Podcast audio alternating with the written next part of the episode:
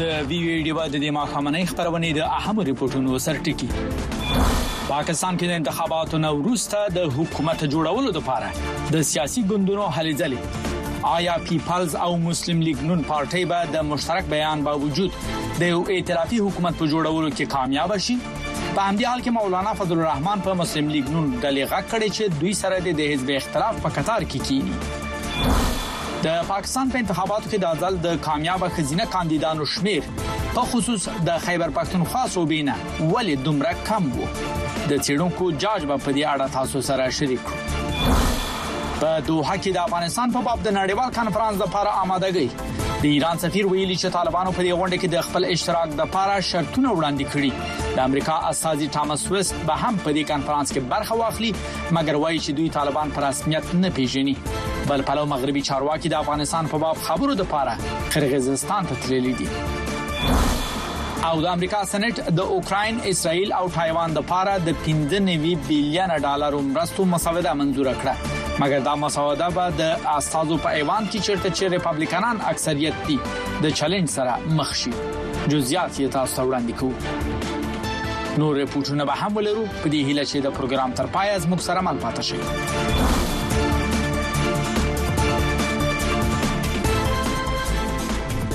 ستړي مه شئ په خیر راغلئ دا وخت په پیښور کې د ماخوسن لس په کابل کې د ماخوسن نه نیمه او دلته په واشنگټن ډي سي کې د غرمې 12 بجې دي د ویو ای ډیوه د روانو چارو خبرونه زه فواد لامي تاسو ته وړاندې کوم په پا پاکستان کې د عامو انتخاباتو نه پس لا هم سیاسي صورتحال یقیني نه ښکاري او دا نه د معلومه چې آینده حکومت به د کوم سیاسي ډلو وي مختلف سیاسي ګوندونه په مذاکرات لګیا دي چې د یو ائتلافي حکومت لپاره لاره هواره کړي. دا چې دغه هلې ځلې چیرته رسیدلي دي، وروستي جزئیات یې زموږ خبریال الیاس خان په لوی خیبر پښتونخوا پروګرام کې شریک کړي چې دا دی یو ځل بیا ستاسو پام ورته راګرځوو. جی ارباب صاحب بالکل دغه هلې ځلې دا وخت اسلام آباد کې ډېرې په تیزۍ سره روانې دي او دې کې فرق هم راځي لکه څنګه چې وړاندې دغه ګڼل کېده چې مولانا فضل الرحمن به هم د دې ائتلافي حکومت برخه وي څنګه چې د مسلم لیګ نون سره د دوی ملاقاتونه خو نن مولانا فضل الرحمن چې څوک یې د جي او ایف ای مشر دی هغه یو خبري غونډه کې پس فروری اتمه نیټه شوی انتخابونو کې د درغلو تورونه لګولي او ویلي دي چې د دوی ګوند به په اپوزیشن بنچز مخالفه ګوندونو په څوکو باندې کینی او د ائتلافي حکومت برخه به نه جوړیږي د د ګوند د مسلم لیګ نواز شریف ته هم بلنه ورکړې ده چې راشي او په اپوزیشن بینچونه باندې کیني خو د دې تر څنګ که بیا موږ وګورو نو مسلم لیګ نون او پیپلز ګوند ورسره ایم کیو ایم او دغه رنګ مسلم لیګ کاف دغه څلور واړه چې بیا راغونډ کړي او دوی چې کوم وینا کړې ده چې موږ به یو مشترکه حکومت جوړو نو هغوی ته بیا دغه رنګ دغه سمپل میجارټی ساده اکثریت سره دوی دغه خپل حکومت جوړولای شی کل ددی سره ددی سره چه ریزرټ سیټ هم شامل کړای شی د زنانو شپېته او دغه رنګ د اقلیتونو لس او هغی کی دوی ته خپله برخه ملاو شی نو بیا فعلا چه کومی شمیری دی نو د سمپل میجارټی د پاره یو سل یو کم اویا دغه وټونه د دوی بیا برابریږی بل خوا د پاکستان تحریک انصاف له خوا چه کومی دعوی کیږی چه دوی ته یو اویا او یو اتیا قامي اسمبلۍ غړو د دغه وټونه به ترلاسه شي او هغه په ظاهره باندې چې تر کومه پورې د الیکشن کمیشن نه دغه سرکاري نتیجې نه وی راغلي او د دې ګزټډ نوټیفیکیشن نه وی راغلي دا غي نه رسته و بیا پته لګي چې آیا د دوی دغه یو سل یو چوکۍ دي او کنه دغه ته د دوی چوکۍ نور زیاتې شوي او په ظاهره چې دغه سلور ګوندونه چې کوم آیات کل د دوی د ټولو نه زیات ووټونه دي او د دې نه علاوه که بیا نور راغونډم کړو موږ په دوه سوه او پنځه شپېته چوکو باندې دغه الیکشن شوی دی نو بیا هم پي ټي آی سره د یو سل شلو پورې چوکۍ هم نه برابریږي نو تر دې دمه خو دغه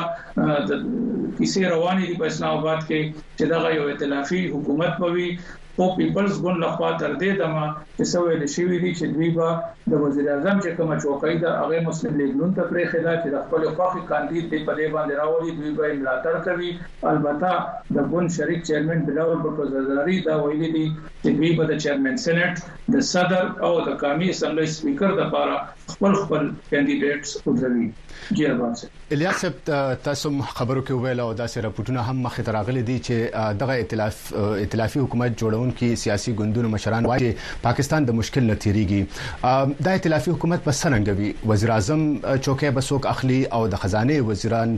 او نور اهم چوکۍ به چا سره وي ارباب صاحب تر دې دمه که څه هم یو سرکاري غړ اعلامیه خو دوی نه د خبره کړې خو چې څنګه د دواړو اړخو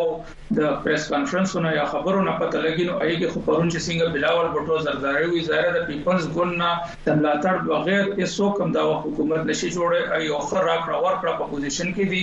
نو هغه دغه ویلی دی چی مونږ چونکی د پی ایم ال این چوکۍ زیاتی دی نو د وزیر اعظم دغه چوکۍ به د پی ایم ال این سره وی البته مونږ به دا غواړو چی صدر دی ده دا ویلی چی د ملک کومی ستونزی دی دا زرداری نه علاوه څوک نشی حل کولی او د هغی نه وروسته بیا زرداري په خپله باندې پاکستان تحریک انصاف ته هم بلنه ورکړې وه چې هغه راشي او د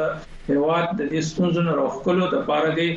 هلال د دې حکومت برخه جوړه شي ولې چې یو ګوند په یوازې باندې دا حکومت د دې ستونزو نه نشي راوښکې نو دغه رنګ ظاهره ده چې چا بیا وزیراعظم وي او د خپلې خوښې او کابینه جوړوي او په بل ګوند د وړاندې نه دا ویلي وو چې مونږ به د کابینې برخه نه یو نو چې کوم مهمه چوکۍ ده د خزانې د وزیر هغه به بیا مسلم لیګ نون ته سي او دغه رنګ نور چې کومه مهمه خارجه چارو ده د داخله چارو ده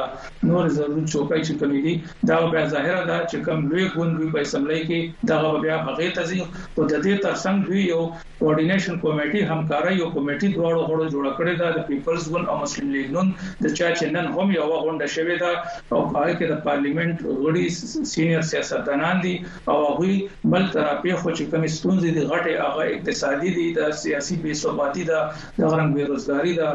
غربت دی په دې باندې نن یو پړاو کړی دی او سبا به هم په دې باندې دویم پړاو کوي او د دوی دغه وینا ده چې مونږ به د دې لپاره په ګډه سره ټول خپل هلې ځلې کوو چې دغه رنګ دا هېواد د دې ستونزو نه راوباسو ولې چې که په موجوده وخت کې مونږ پیپلز ګوند وایي مونږ مرسته شو او دغه رنګ چغې سورې مو جوړې کړې چې دلته کې درغلۍ شوې دي نو بیا ملک په دوباره انتخاباتو ته ځي او پاکستان یا ریاست د دې جوګه نه دی چې په داسې لنډ وخت کې بیا انتخابات ته لاړ شي او ملک په داسې سیاسي بې ثباتي وي بیا ملک ډیفالټ طرف ته تللی شي ډیر مننه سمه ده الیاس صاحب تاسو ډیره مننه چې دغه معلومات مو اوریدونکو او کتونکو سره شریک کو مننه ډیره مننه لکه څنګه چې مو واوریدل د پاکستان تحریک انصاف نه علاوه د هیواد نورو لوی سیاسي ګوندونو هم د یو شریک حکومت جوړولو اعلان کړی او ویلي دي چې پاکستان دا وخت د سختو حالاتو نه تیریږي ځکه دا فیصله کړې ده څېړونکي وايي د دغه شان مخلوط یا شریکو حکومتونو د پاره په آزاده لوی فیصلې کول ګران وي او کچیرته داسې حکومت جوړیږي نو مشکلات به ورته نور هم زیات شي تفصیل د اسلام آباد نه اورنګزیب خان په دې رپورت کې وړاندې کوي په اتمه فرورۍ شوو انتخاباتو کې يو سياسي ګوند هم د قامي سملې دومره چوکۍ نه دي ګټلې چې په يوازې په خپل ستر مرکز کې حکومت جوړ کړي. پاکستان مسلم ليګ چې د پاکستان تحريک انصاف حمايتي يافته د ازاد اميدوارانو نه پس يې د قامي سملې تر ټولو زياتې چوکۍ ګټلې دي، نورو ګوندونو ته يې اتحادي حکومت جوړولو بلنه ورکړې وه. او تېره شپه پاکستان پيپلز ګوند، متحده قامي مومنټ، پاکستان مسلم ليګ کاف، استحکام ګوند او بلوچستان عوامي ګوند په شريکه اعلان وکړو چې مرکز کې حکومت جوړولو دپاره به دوي د مسلم ليګ حمايت کوي. ځکه په ماضي کې هم مشکلات جوړ شوي دي حکومتونو ته دا حکومت به هم زما په خيال په نيغ په نيغه په خپله د فيصلې کولو په پوزيشن کې به نۀ کمزوری حکومت به وي کله به هم د ده راغورځېدل اساني يو جومات پکې شاته نه څوک وباسي او دا جومات به هم راوغورځېږي نو زه پخپله دا ګڼم چې په دې وخت کې چې کوم حکومت به جوړېږي په هغې کې به فايده چې کوم خلک به په حکومت کې شامل وي هغه سياسي جماعتونو هغه خلکو ته خو کېدای شي خو د هغه سياسي جماعتونو کارکنان چې هغه عوام دي هغې ته نه شي کېدای. بلخوا پاکستان تحریک انصاف په مرکز کښې مجلس وحدت المسلمین او خیبر پښتونخوا کې جماعت اسلامي سره د حکومت جوړولو اعلان کړی دی خو جماعت اسلامي د تحریک انصاف سره د مرستې نه معذرت کړی دی. په اتمه فرورۍ شوې انتخاباتو کې د ګوند دننه یا انټرا پارټي الیکشن نه کولو له وجې انتخاباتو کمیشن پاکستان تحریک انصاف نه د دوي انتخابي نښه بیټ واپس اغستې وو ځکه دې ګوند کاندیدانو په ازاد حیثیت په انتخاباتو کې شرکت کړی دی. د انتخاباتو په نتیجه نوی حکومت به داسې حال جوړیږي، پاکستان د سخت معاشي مشکلاتو او زیاتیدونکې ترهګرۍ سره مخ دی. د خپل اوټ بانک ښه کولو لپاره او د خپلو کارونو لپاره هغه به په مسلم لیګ نون وزیر اعظم کوم چې شهباز شریف ښکاري چې هغه به جوړیږي په هغه باندې به دباو اچوي هغه به مجبوري او کوم د ملک غټي غټي مسلې چې کومې دي نو هغه ته به هغه شان توجه نه ورکول کیږي لکه د ملک د ټول غټ توجه مسله چې کومه ده هغه معیشت ده او دهشتګردي چې دا نو هغه بیا په پاکستان کې ډېر شوی ده دا غدرې مسلې چې کومې دي نو دې ته به هغه شان توجه چې دا هغه ملاو نشي د انتخاباتو نه وړاندې هم د پاکستان تحریک انصاف حکومت ختمولو لپاره د نه سیاسي ګوندونو اتحاد شوی وو ورستو دوی حکومت هم جوړ کړی وو او ناقدین وایي د 14 میاشتو حکومت هم مجموعي توګه څه کارکردګي نه ده ښودلې. پاکستان کې وړاندې هم د سیاسي ګوندونو اتحادونه جوړ شوي دي، خو په تېر وختونو کې به داسې سیاسي ګوندونو اتحادونه زیاتره د پوځي آمرانو خلاف جوړېدل. اورنګزېب خان، وایس اف امریکا، ډیوه، اسلام اباد.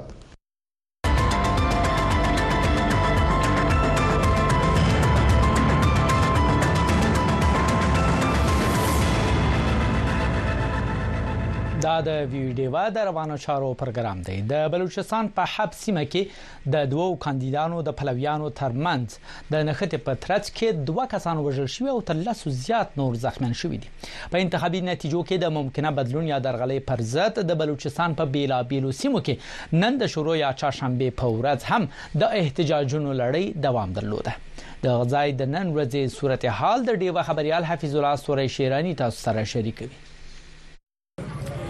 سلامونه حفیظ الله ستوري شرانه ما تاسو وایس اف امریکا دیوا ګوري دا وخت د بلوچستان او خیبر پښتونخوا ترمن چې کومه لوی لار غزیدلې ده پر دغه سړک باندې وزارت کراسته نږدې د بوستان په سیمه کې ولاړ یو د پښتونخوا نېشنل عوامي ګوند له لوري څخه د احتجاج په توګه دغه سړک شاوخوا تر لس زیاته ځایونه تړل شوی دی هم دغسی د یاد ګوند له خوا څخه د کوټی چمن، د کوټی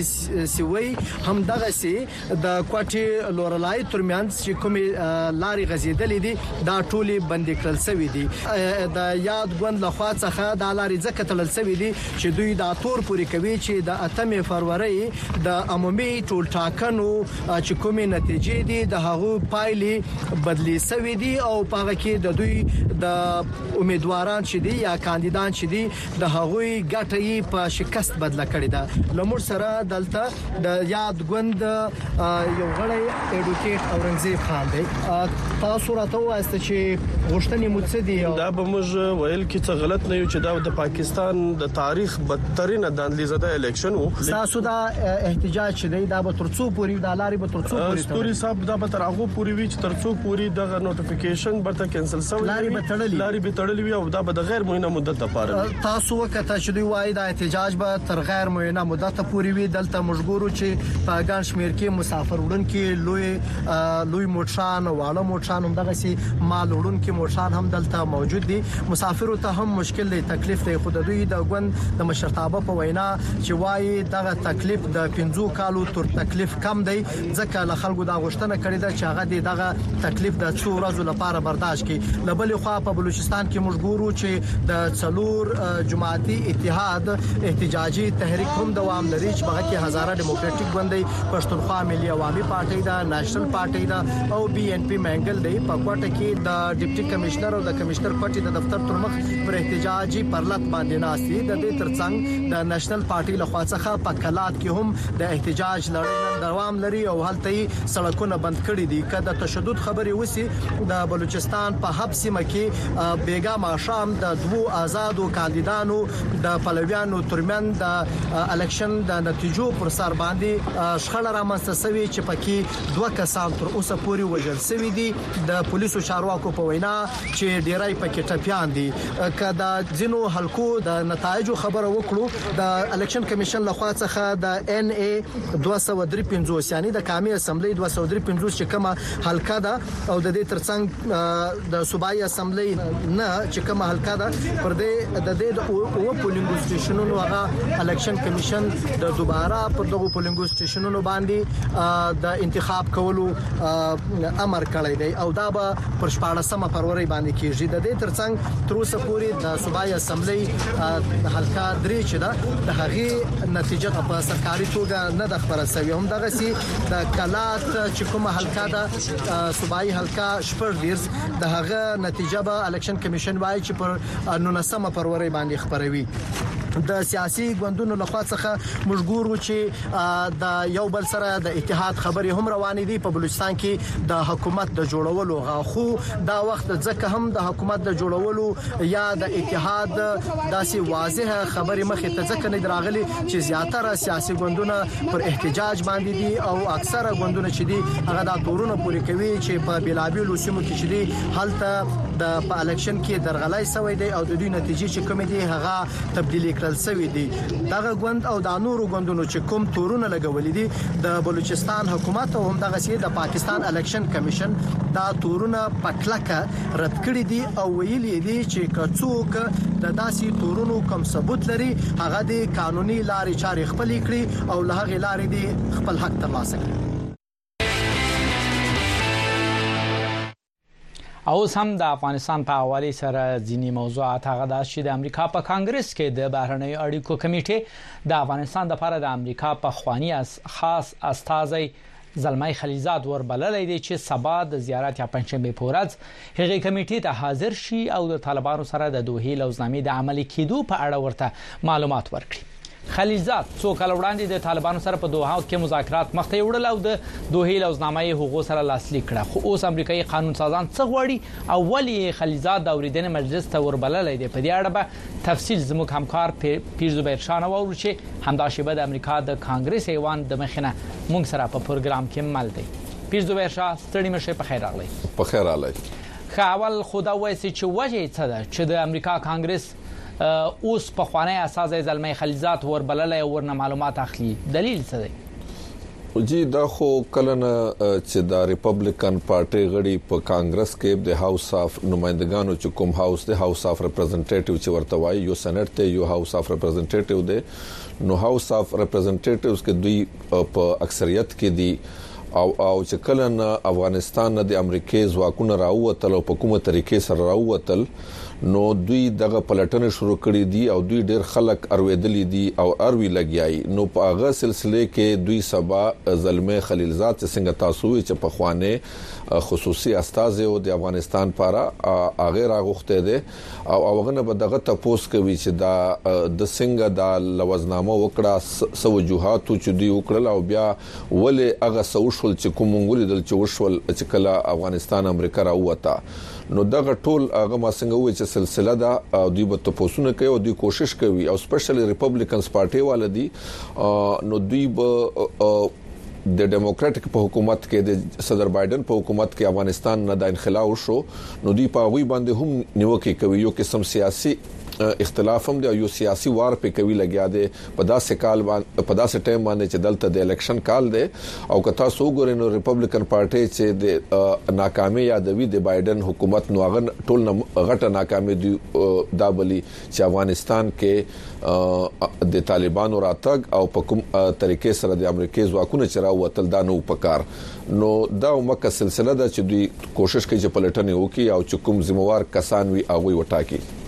که څه هم د دوه په لوزنامې باندې نیوکې هم ډېری شوې دي مګر خلیلزاد وخت نا وخت خپل دغه مشن کامیاب بللی او د دوه لوزنامې دفاع کړي نن سبا په واشنگټن کې سیاستمداران څه وایي چې آیا هرڅ د هغه لوظ نامې مطابق روان دي او که څنګه؟ نو جی دا لوظ نامه خو مونږ ولیدل چی دا لوظ نامه وشوه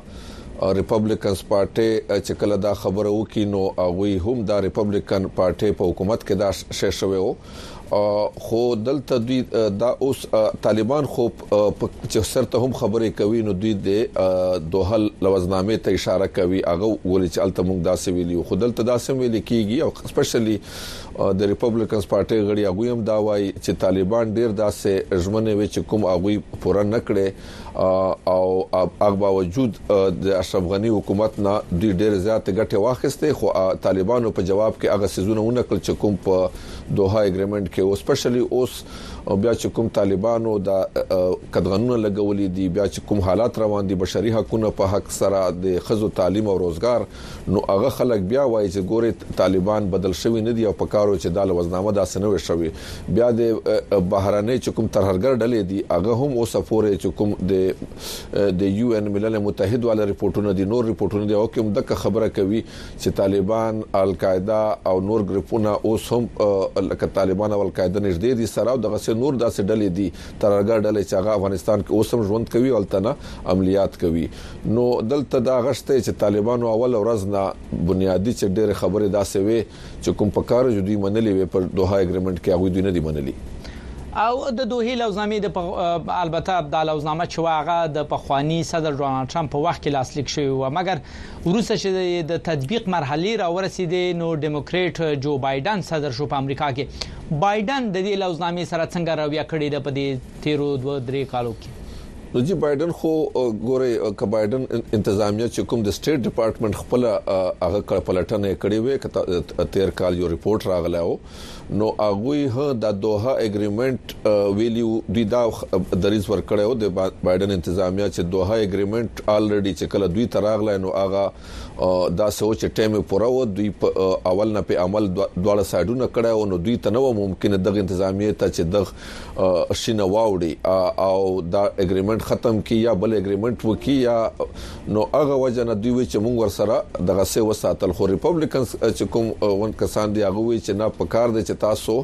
ډیر داسې خبرې وي چې کوم طالبانو نه منلې هغه تاسو په منلې وي او ضروري نه و چې تاسو په دې طریقې سره وتلای چې چې په کوم طریقې سره تاسو وته نو دا نیوکه پکېږي خو بایدن انتظامیه ټول هغه په دوی اړوي په دوه اګریمنت اړوي چې دا دوه اګریمنت او دا صدر ترامپ انتظامیه کړی و نو دوی چې زیات ذمہواری په غوي باندې راځي او یو روسي پښتنه په کانګرس کې د خلیلزاد په ګډون د سبا ورځې د اوریدنې مجلس چې کوم دی په دې کې به اهم ټکي څه وي؟ آیا داسې تمه شته چې ځینې پټ رازونه به هم راښکاره شي او یا سخت تنقیدونه وشي؟ ځکه تاسو ته یاد وي چې کله د بایډن اول حکومت کې چې کله ټرمپ صدر ټرمپ لاړو نو زلمی خلیلزاد بیا هم استازی و نو هغه باندې نیوکې هم شوې وې او په بلینکن باندې انتونی بلینکن باندې کانګرس نیوکې کړې وې چې دوی نه حاضریږي.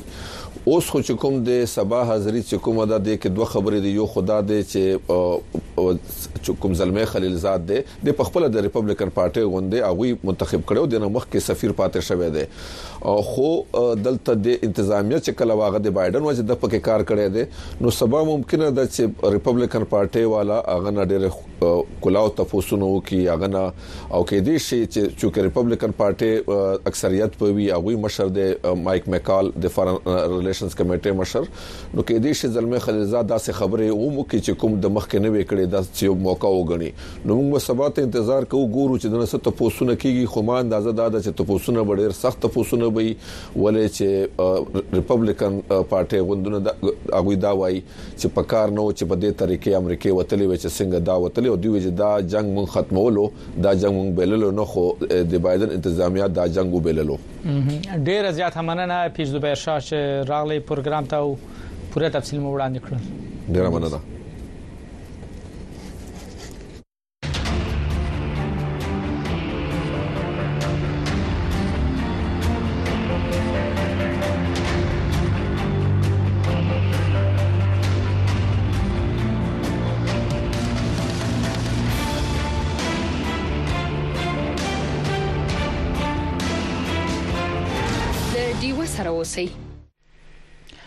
د نړیوالو اړیکو څېړونکي وایي په اسلام آباد کې نوې جمهوریت حکومت به د گاونډي هواد افغانستان سره په اړیکو او دغه هواد لپاره د پخوا رئیس جوړ کړی شوی پالیسي باندې ډیر اثر ونه کړي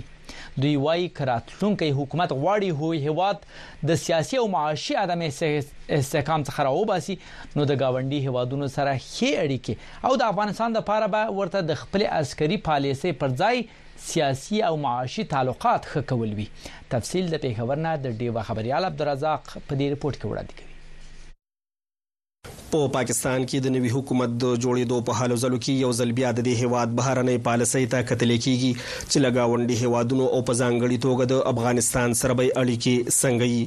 څېړونکي وايي د ګاونډي هېواد افغانستان سره د پاکستان په اړیکو د ملک د سیکیورټي اسټبلشمنټ نېغ په نېغه اثر پاتې شوی دی.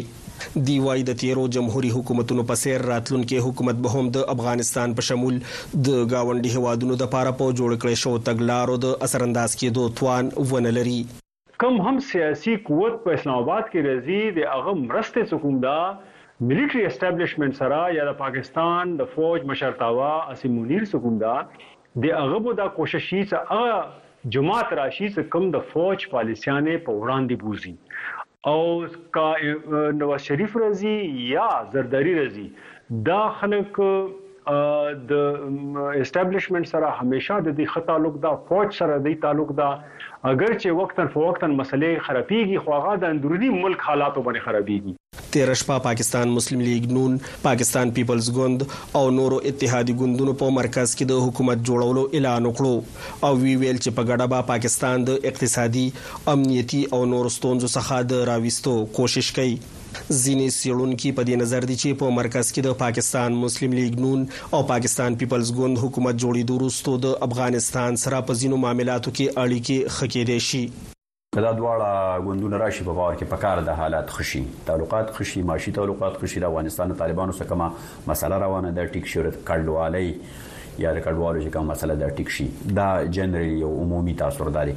خو په دې تناظر کې چې دا اوس په کومه طریقه باندې دی حکومت کې راځي یا د لپاره کوم بارګینینګ شروع دی کومه طریقه زما خیال دا ډیر محتاج وي اسټابلیشمنت ته زما خیال نه دی کړی دا سیو اقدام یا قدم واخلي چې یا کې د پارلمان د سپریمیسي خبره وي او هغه یا السرې نه او داسې تګلاره جوړوي چې د ګاونډیانو سره تعلقات ښه کړي، په خاص توګه افغانستان سره. د پاکستان په پوځ دا تورونه لګولې کېږي چې د هېواد سیاست کې مداخلت کوي او په پارلمان اثرانداز کېږي، خو پوځ تل دا تورونه رد کړي او ویلي دي چې پوځ د هېواد په سیاسي چارو کې لاس وهنه نه کوي. د سیاسي چارو افغان څېړونکي وايي، که پاکستان غواړي چې د نورو ګاونډي هېوادونو او په خاصه توګه د افغانستان سره د ښه ګاونډیتوب او ښې تجارتي اړیکې ولري، نو په دې لړ کې به ورته مثبت ګامونه اخیستل يي. د ښې همسایګۍ او ښه ګاونډیتوب لپاره هم ایران لېواله دی، هم مرکزي اسیا، هم چین، هم روسیه او د هند په شمول باندې د ښه ګاونډیتوب د رامنځته کولو لپاره شرایط برابر دي. ولې دا په پاکستان پورې اړه لري چې د دغه ښه ګاونډیتوب لپاره دوی څه رقم کولی شي یوه ښه ستراتیژي او د افغانستان په چارو کې د نه لاس وهنې ستراتیژي جوړه کړي او د هغې د عملي کولو لپاره ګامونه واخلي. د افغانستان تیر حکومت په تیرو شاوخوا شلو کلونو کې پرله پسې په پاکستان باندې د خپل هیواد په چارو کې د لاسوهنې او د وسلوالو د ملاتړ تورونه پورې کول خو پاکستان دا تورونه بیا بیا رد کړي او اوس پاکستان تور لګوي چې د ټي ټي پي وسلوال په افغانستان کې د پاکستان په ضد حملې پلانوي خو د طالبانو حکومت دا تورونه رد کړي دي. څیړونکي وایي که چېرې د پاکستان او افغانستان ترمنځ تعلقات ښه او د عسکریت په ځای سیاست مخ پر وړاندې ځي، نو دا به د دواړو هېوادونو ترمنځ د تجارت ښه کېدو ترڅنګ د منځنۍ اسیا منډۍ ته د پاکستان د مالونو رسېدو لپاره هم لاره هواره کړي. عبدالرزاق، وایس اف امریکا، ډیوه، پېښور.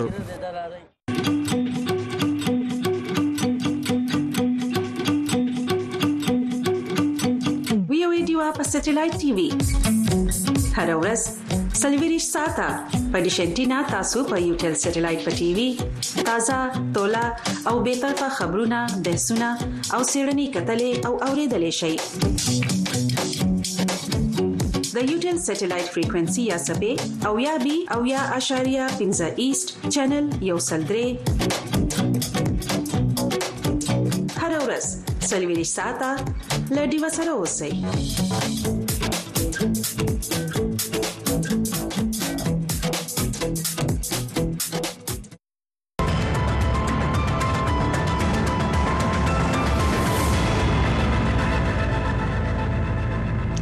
او بیا هم زو د افغانستان په لور د افغانستان په اړه د قطر پایتخت دوحه کې یو ځل بیا د نړیوالو په ګډون یو غونډه کیدونکې ده چې آینده هفته کې به تر سره شي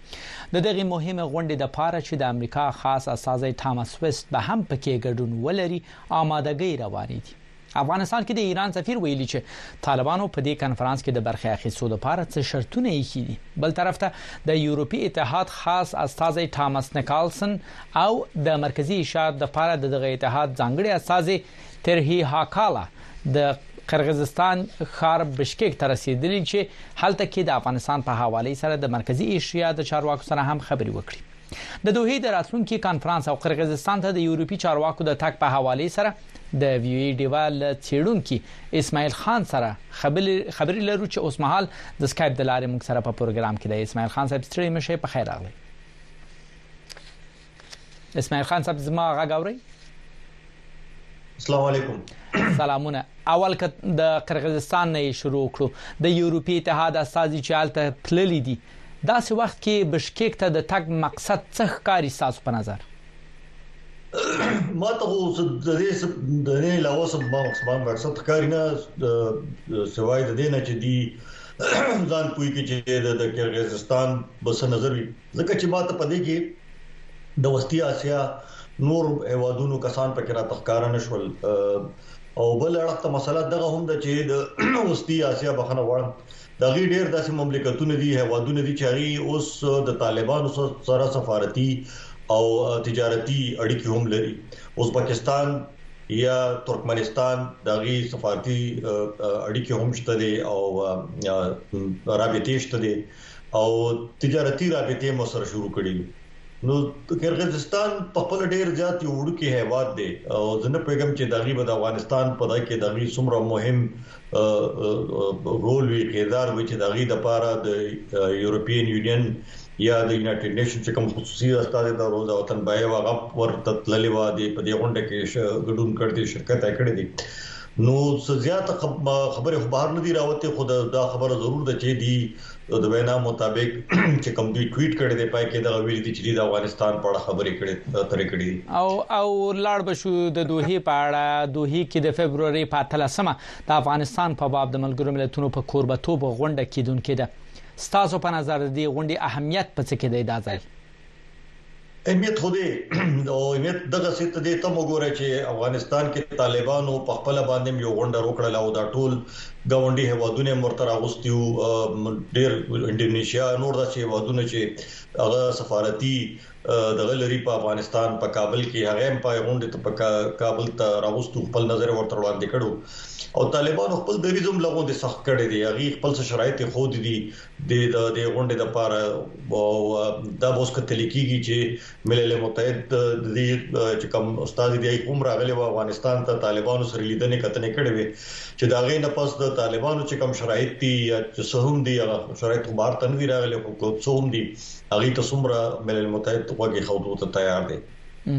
ملګرو ملتونو کوښښ کړی چې د دوه په کانفرنس کې د طالبانو استاد هم ګډون وکړي طالبانو تر اوسه څه نه دي ویلي مګر د ایران سفیر ویلي چې طالبانو ځینې شرطونه ایښي ستاسو په خیال دا شرطونه به څه وي او آیا طالبان په دومره قوي موقف کې دي چې څه شرطونه وړاندې کړي نړیوالو ته یو خبره خدا چې طالبانو ته پته را چې د طالبانو د نمائندګۍ نه بغیر کدا څه کانفرنس کیږي هغه هغه څه نتیجه نتیجه راوته نشي دې نمائندګي چې دي د دنيا د نړۍ ملکونه چې کوم دي خپل مطالبي دي خپل شرایط دي خپل تحفظات دي هغه به دي طالبان حکومت ته څنګه ځان ورسي نو دا طالبانو ته پته چې دي سره به دي خامخا خبر خبر ترې کی د تکینی او د دې نظر به هم موري نو زه فکر کوم چې د طالبانو د اړخ چې کوم شرایط یې غوښتل دغه سي چې یک طرفه کاروی به نه چلیږی د افغانستان د طالبانو نظر چه کوم دی دی ته به هم موقع ورکول کیږی چه د طالبانو چه خپل د دی کوم نظر دی هغه دی هم ته دی دوحی کانفرنس کی ټول چه کوم کسان دی کوم ملکونه دی هیوادونه دی هغه دی دی نظر هم ته غوږ کی دی او ځان دی په پوه کی. د نړیوالو اتفاق تر اوسه په دی دی چه طالبانو سره به تعامل ساتی مګر حکومت دی تر اوسه پوری نه دی تسلیم کړی او نه به تسلیموی. دا موقف به تر کومه دوام ولري، په خصوص که طالبان خپله تګلاره بدله نه کړي او د نړیوالو غوښتنې ونه مني په ځینو تبدیلونو کې. اوسه پورې خو داسې څه آثار ښکاري نه چې طالبان خپل تګلاره بدلولو ته تیار دي. البته یو مشکل دغه دی چې د طالبانو لپاره هم مشکل دی او د نورو ګډو ملکونو لپاره هم چې هغوی طالبانو سره نور هیوادونه غواړي چې ورسره تعلق هم وساتي، اړیکې هم ورسره وساتي، سفارتي ریکګنیشن یا شناخت ته ولور نه کی خو بیا دې مو سره د وکی تاسو د چین د وکتو د چین سفیر افغانستان کې موجود دی او د افغانستان چې کوم د طالبانو نمائندګۍ د پاره سفیر کم تلو هغه د چین صدر جی په خپل باندې وسر لیدنه کتنو کو دغه اسناد قبول کړل درګه ګړ ملکونه خپل سفارتي نمائندګي لري ملکونه دي سره تجارت هم کوي په رسمیت باندې نه پیژني خو خپل نمائندګي خپل دغه په کابل کې لري او ډیر ملکونه داسې شته چې تلته کې د سفارتي دغه ورکړي اجازه ورکړي چې خپل کونسلګری یا سفارتونه دغه کولو کې دا یو فارموله ده چې کوم د پاکستان نه را شروع شوی وغه ډی فیکټو چې وته ویل کیږي یو قانوني دغه خونوي په پیژنګلو یا شناخت یا ریکګنیشن خونوي خو خدا ضروري چې خپل نمائندګي هلته ولري او اړیکې په څنګه طریقې باندې جاري وساتي ډیره زیاته مننه اسماعیل خان صاحب چې پروګرام تراغلی او خپل نظر مو موږ سره شریک کړ ډیره مننه د بدلون په وخت کې کله چې نړۍ د غیر یقیني سره مخامخ کاری او کله چې موږ ساورو هغه هغه شان نه ښکاری چې څنګه یې وینو موږ د اړتیا ولټون کوو موږ ته چې کله نیمګړی قصه ویل کیږي موږ په باور بیلو د کڑکېچ په شېبو کې زموږ خوبونه، امیدونه او د غوره سباوند لپاره زموږ ارزوګانې ازادې میډیا ته اړتیا لري. په وایس اف امریکا کې موږ تاسو ته داسې خبرونه راوړو چې د کتلو لپاره خلک د خطر سره مخامخ کوي، موږ نړۍ سره یو ځای کوو او رښتیا سره یې پیوست کوو. په وایس اف امریکا کې موږ تاسو ته پوره عکس درښایو. بیا هم پخیر راغلی دا د وی ډیوه د روانو چارو پروګرام دی چې د واشنگټن ډي سي نه تاسو وړاندې کوو او مننه چې تر دې شی به پوره مونږ سره مل یاست بیا هم د پاکستان حالات ته ورګرځو، که څه هم د پاکستان تحریک انصاف ګوند حمایت یافته ازادو امیدوارانو په دې تازه انتخاباتو کې د نورو ګوندونو پرتله د قامي اسمبلۍ زیاتې څوکۍ ترلاسه کړې دي، خو قانونپوهان او څېړونکي وايي، نه ګڼي چې د دې اثر به د پخواني وزیراعظم عمران خان په مقدمو او سزاګانو وشي. نور تفصیل د اسلام اباد نه د ارشد حسین په دې رپورټ کې اوریدلی شئ. قانون پوه ارشد حسین یوسفزی وایي چې په قومي اسمبلی کې د پی ټی آی د حمایت یافته غړو د لوی تعداد باوجود به عمران خان په عدالتونو کې مبارزه کوي کوم د پی ټی آی کاندیدټس کې الیکشن غټلې دي نو د دې هو کو چې قانوني حیثیت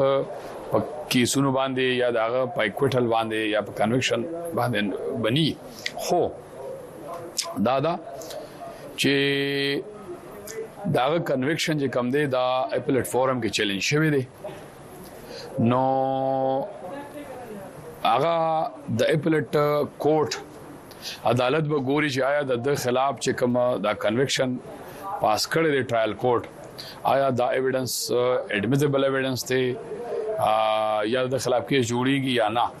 د سیاسي چارو د کارپوهانو رایه ده چې په مرکز او صوبايي اسمبلیو کې د عمران خان د ملاتړي امیدوارانو موجودګي به دا ضرور وکړي شي چې په داسې فورمونو کې به د هغه په حق کې غږونه پورته کیږي او دا هم امکان دی چې د طاقتور پوځي اسټبلشمنټ سره یې خرابو اړیکو کې یو څه بهتري راشي. تو میرے خیال مې. زما په اند په پوځ کې ځیني داسې کسان شته که هغوی د خپل دریځ څخه لږ په شا شي نو زه ګڼم چې د پوځ سره د عمران خان معاملات سمېدای شي.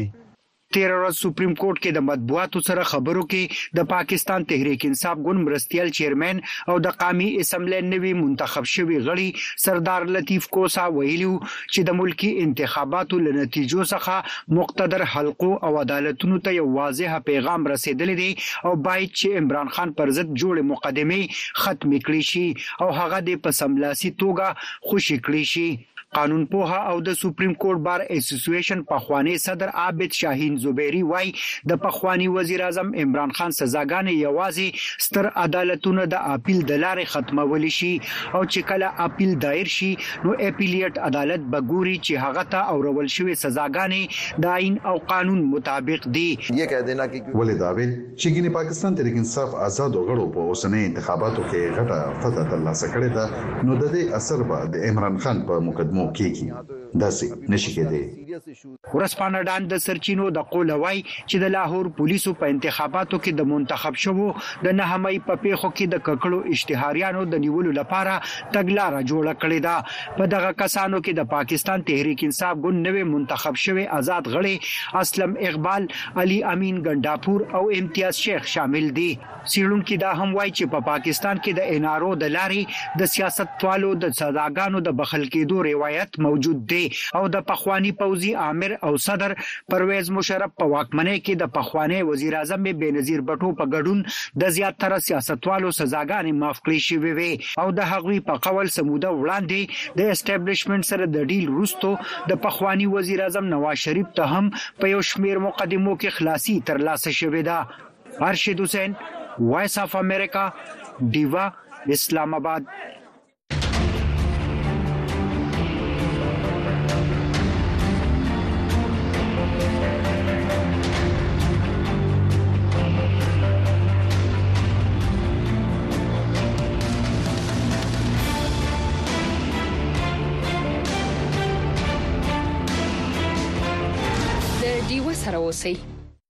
او اوس هم د نړۍ حالات د امریکای سېنات د اوکراین اسرائیل او تایوان سره د نهي یا سه شنبه په ورځ د 15 ارب ډالرو امداد منځوري ورکړه خو د وی ای خبرياله کیترین جپسن وایي د سېنات نه د منځوري دوه وروسته به د کانګرس په ایوان نمائندګان کې د دغه قانوني مسودې منځوري دل ګران وي په ایوان نمایندګان کې د حکومت مخالفه ریپبلیکن ګوند اکثریت دی د کاترین جپسن رپورټ د ډیوه همکار بختور شاه تاسو سره شریکوي د یوکرين د پاره شپېته اربه امداد اسرائیل د پاره 12 اربه او انډو پیسفیک ملکونو له د چین په ضد په اربه او ډالرو امریکایي مرستو قانوني مسوده د نهې په ورځ په سېنېټ کې منزوره شوه صدر بایډن د کانګرس په ایوان نماینده ګان هم غږ وکړو چې دغه قانوني مسوده منزور کړي زه سپیکر ته وایم چې ټول ایوان دی په دې اړه خپل فیصله وکړي او د هغه سو سخت دریزه غړو خبره دی نه مني چا چې په دې د انتخاباتو هم مخالفت کړي خدای ایوان سپیکر مایک جانسن د ګل پورز ویلي تر سو چې د کډوالۍ په نظام کې بدلون نه وي شوی تر هغه دوی په دې قانوني مسوده رائے نشي اچولې تېره هفته د پولې د امنیت لپاره د یو سل اتلس اربه ډالرو قانوني مسوده هغه وخت د ناکامۍ سره مخ شوه چې پخواني صدر ډانلډ ټرمپ د خپل ګوند په غړو غږ کړی وو چې یوکراین ته د نورو مرستو ورکولو په ضد دې رای ورکړي. موږ اوکراین ته وړاندې دوه سوه اربه ډالر ورکړي او که اوس نورې پیسې ورکړو او هغوی له روس سره په راتلونکو درو هفتو کې جوړجاړی وکړي او بیا بیخي له موږ سره تړون کول نه غواړي نو څه به وي؟ ډیموکراټانو د دغې قانوني مسودې منظوري په نړیوالو کشالو کې د امریکا لپاره یو مهم ګام بللی. دا په سېنېټ کې منظور شوی یو تاریخي بل دی. داسې بل چې نه یوازې زمونږ او زمونږ د ملګري هېوادونو په امنیت به ښه اثرات واچوي، بلکې د جمهوریت په امنیت به یې هم ښه اغېزې واچوي. د ریپبلېکن ګوند غړي، یوکراین ته د ممکنه مرستو په سر په خپلو کې ویشل شوي او وايي پکار ده چې د خپلو پولو په امنیت پیسې ولګول شي. تر څو پورې چې انتظامیه د اوکراین په امنیت د شپېتو یا شپېتو نه زیات اربه ډالر لګوي موږ غواړو چې په بدل کې په انتظامیه د خپلو پولو د امنیت لپاره فشار واچو د امریکا په سېنات کې د کم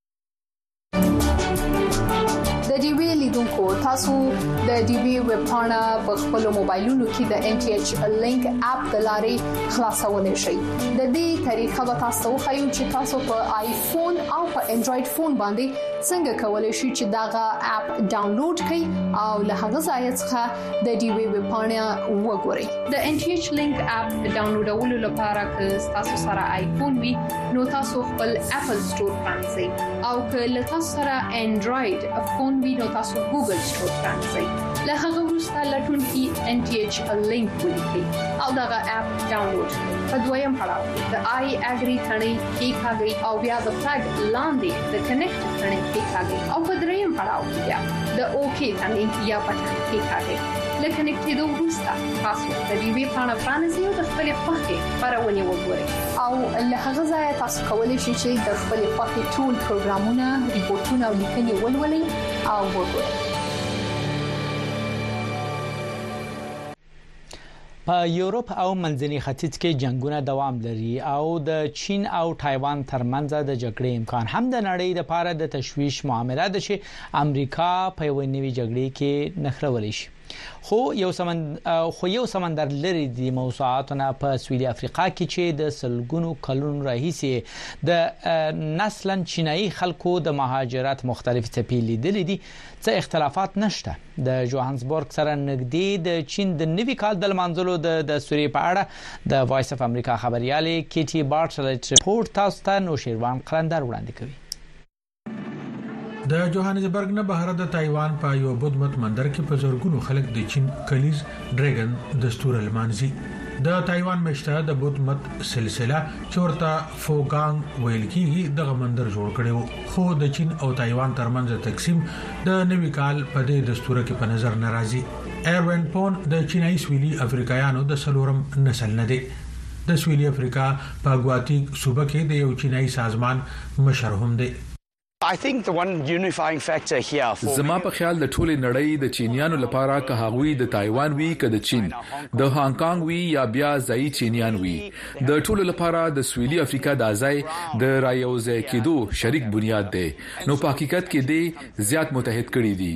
د اتلسمې پیړۍ په اخر او د نولسمې پیړۍ په اول کې سویلي افریقا ته د یو شمیر چینایانو د کډوالۍ وجه د جوهانسبرګ مالداري وه. په اتلسمه او نورلسمه پیړۍ کې بیا تایوانان راغلل. او د کپړې او جامو کارخانې یې جوړې کړې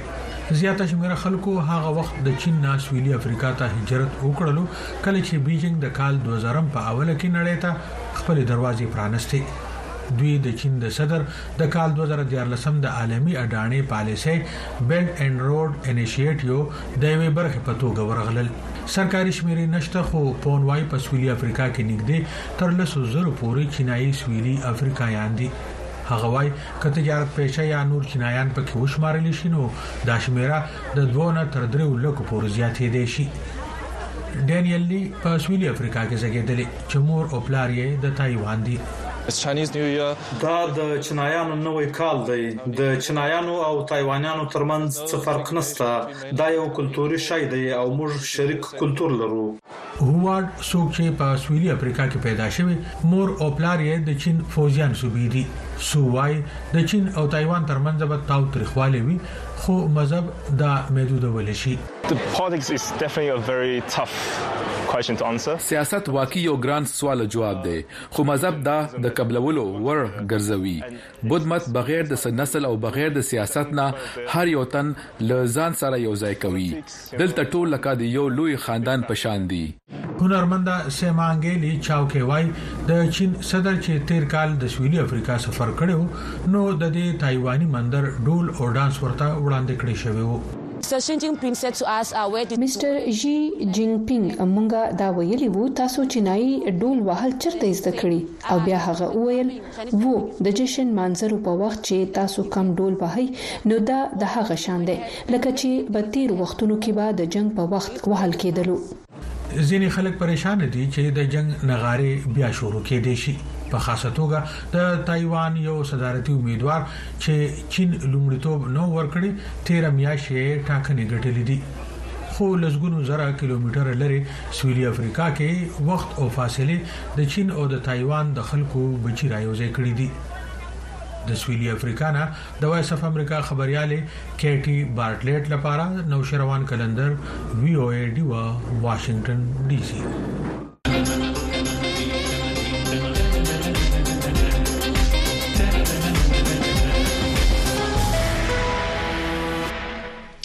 او بیرته ورګرځو د پاکستان حالاتو ته د وزیرستان تشدد ځپلي خلک وایي هیله مند دي چې د دوی له سیمو نوي ټاکل شوي استازي به د خپل سیمو د مسایلو هوارولو ته پام وکړي دوی وایي تر ټولو لوی ستونزه ناامني ده بل ټوله سیمه د تعلیم بجلی ګیس روغتیايي سہولتونو او نورو بنیادي اسانتیاونو بې برخې ده دوی له خپلو استازو غواړي چې نه یوازې ترقیاتي سکیمونو ته وده ورکړي بلکې د امنیتي وضعیت په ښه کولو کې هم خپل کردار ادا کړي عدنان بیټنۍ د نور تفصیل سره یمو نوم نور رحمان دی یمو تعلق د ساوت وزیرستان ماکین سره دی الیکشن وشه په فاټاشه ایکس فاټاشه او په ټول ملک الیکشن وشه د میډیا ساوت وزیرستان یا د اورال ایکس فاټانا چې څومره ممبرون پا شوی دی می داده دینا توقعات سوتی چې په علاقه شې کیما بدامنی دو کیم د علاقې مسله مسائل دی امید داده چې ان شاء الله د په علاقه شې شکر دار ادا کوي چونکه خلک ډیر زیات امیدینه دي د نه نوې خلک مخ شو نو امید داده دینا امید سوتی چې په ودرستان شې کیما بدامنی راوړو کیم د علاقې علاقې عوام دا د مسله مسائل سره شکایت شوی دی ډېر ډېر ښه کردار ادا کوي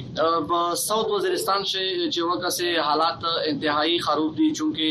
یو طرف ته بیروزګاری دو بل طرف ته بد امنی دو هیڅ پاته نه لګي د می د علاقې خلک ډېر سخت په مشکلات سره ژوند تیر یو ته په علاقې شي چونکه روزانه په بنیاد باندې ټارګټ کیلینګ کیږي خلک مړي دا پاته نه لګي چې څوک پسنو مبني مړي خو حالات دې ډېر به انتها خراب ترقیاتی چارې په نګران سیټ کښې مکملې بند شوې وې ویس نوی ممبرون روګل په چار دادو چې په وزیرستان کښې چونکه وزیرستان دې د دس بارا سال نه اپرشن په وجه متاثر شو تباهی وشولا او د نوی ممبرون د نوی حکومت نه میز د توقع سوتی او مطالبه کوي چې په وزیرستان کښې داسې تاریخی چارې وکو چې مطلب په وزیرستان کښې یو د تاریخی د تاریخی ترقیاتی چارې انقلاب وي موږ دا توقع نه لري چې بایدای مشته تر کې چې چاره وکړو او بل مش په علاقه شه بدمنی دو او د مش په علاقه شه روډینا نشته دی د مش په علاقه شه چې کې مې داسې چې روډ نشته دی او بل سکولینا هسپتالینا چې کوم سکولینا جوړ شوی دی په شمسترونو نشته دی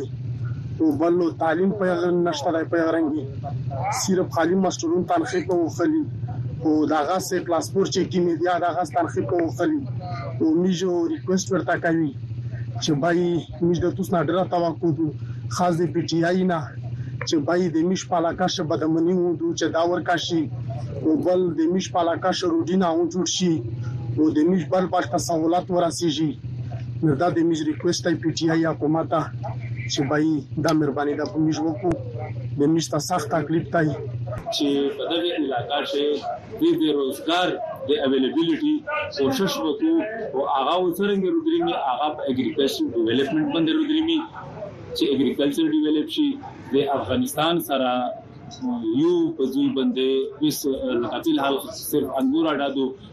او په نرد شه د ګلان پون دی دغه علاوه د محصول بیلټ پورا لکه هیڅ هغه نشته دی اکسس نشته دی د بارډر د پورا او محصول ایریا په د روزګار په حواله سره ډیر زیاته پسټ روغلیدو مونږ جبار خان محسوس شرطوی سره مې تعلق دی او یادور ته خو میشو زه چې مثال د الیکشن چې وشو فری اند فیر وشو په ساوت وزیرستان کې ډېر جوړ خوشاله الیکشن وشو او ادور ته الحمدلله د وزیرستان چې څومره خلک په نوجوان کې عادت باندې دا اعتماد وکړ او امید ها ان شاء الله دا دی چې وای نوجوان کیا د تو په وزیرستان شه لکه چې میش د سروې مسلې دي د میش هسپتالینه د هیلث مسلې دي د میش نور هم ډېر چې کیمه د زراعت مسلې دي ان شاء الله امید دا دی نه چې د وزیرستان مسله مسایلو حل کوي او ان شاء الله تعالی چې وزیرستان څه کمای په شای دی دا ان شاء الله دا باندې پیرا پیرا توجه ورکړي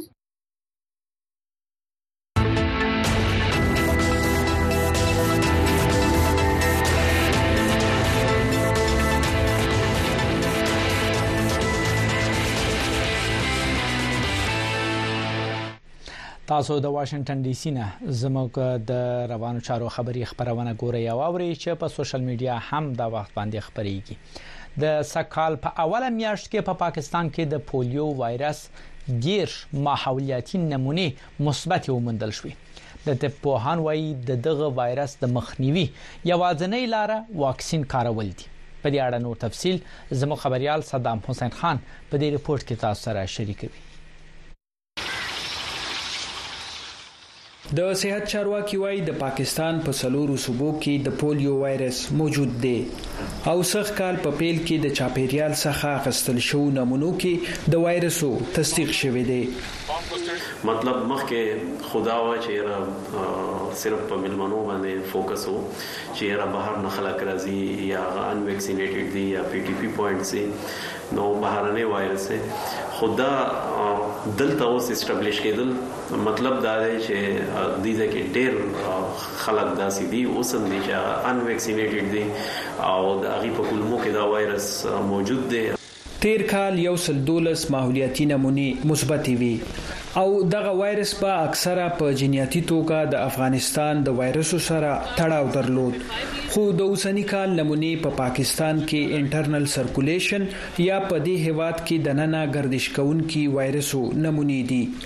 ځکه چې پاکستان کې اوس هم ډېر ماشومان داسې دي چې په خېټه کې یې دغه وایرس موجود دي او هغوی ته د پولیو ضد څاڅکي نه دي وررسېدلي. د تېر شوي راونډ خبره چې موږ وکړو نو بیا هم په پېښور کې اتلس زره ماشومان داسې یو چې هغه یا په کورونو کې موجود نو او په هغه کې اووه زره ماشومان داسې دي چې هغه موجود دي خو هغه انکاریان دي نو دا ډیر غټ تعداد دی مونږ دا نشو ویلی چې ګینه انکاریان چې دی هغه کم شوی د طب پوهان وايي د نړۍ ټولو هیوادونو د واکسینو په کارولو د دغه ناوړه وایرسو مخنیوی کړی دی خو پاکستان کې او په خصوصي توګه په خیبر پښتونخوا کې په بیلابیلو وجوهاتو د دغه ساسکو څخه انکار ماشومان د فالج د ناروغۍ له خطر سره مخامخ کړي دي ماهرین وايي د پولیو وایرس د مخنیوي یوازنۍ لاره د پنځو کالو پورې هر ماشوم ته د پولیو ضد ساسکي ورکول دي نو خدای مه که دې کې اوس داسې ماشومان چې هغه د ډېرې مودې راهسې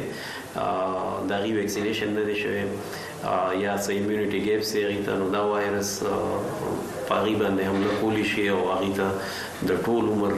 د معذورتیا چې دی دغه ورته لګېدی شي نو دا د پاکستان د پولیو لیبارټۍ د جنورۍ په میاشت کې په دېرشو ماحولیتي نمونو کې د پولیو د وایرسو تصدیق کړی دی.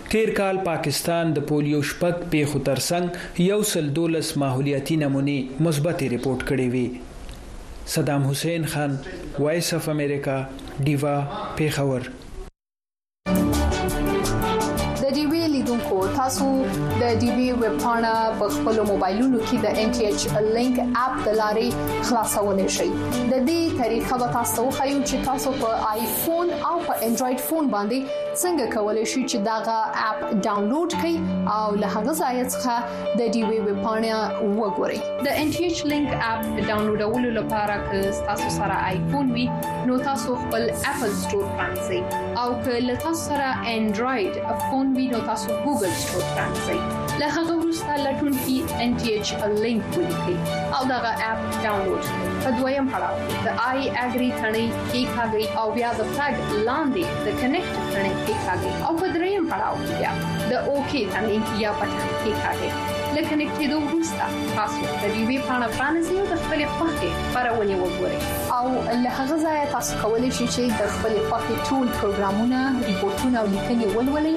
او وګورئ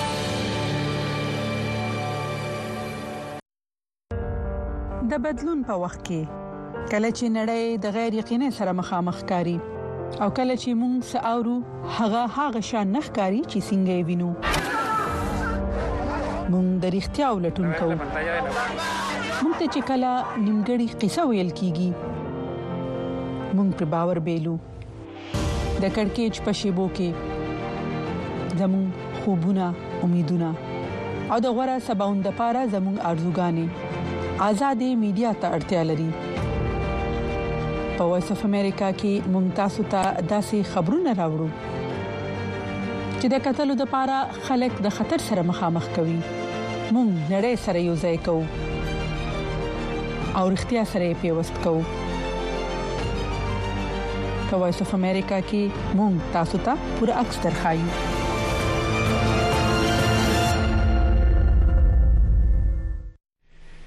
د وی ای ډیوا د روانو چارو قدرمنو لیدونکو او اوریدونکو دا و زموږ د نن ماخصن خبرونه چې تاسو ته مو وړاندې کړله هیله ده چې د پام وړ مو ګرځیدلی وسی خو دا مه هیروئ چې هر وخت وغواړئ دا پروګرام همدا شان نور پروګرامونه او نور ریپورتونه چې هر وخت وغواړئ تاسو هغه په ویب سټ باندې د وی ای ډیوا نیوز ډاټ کام او همدا شان زموږ په فیسبوک باندې او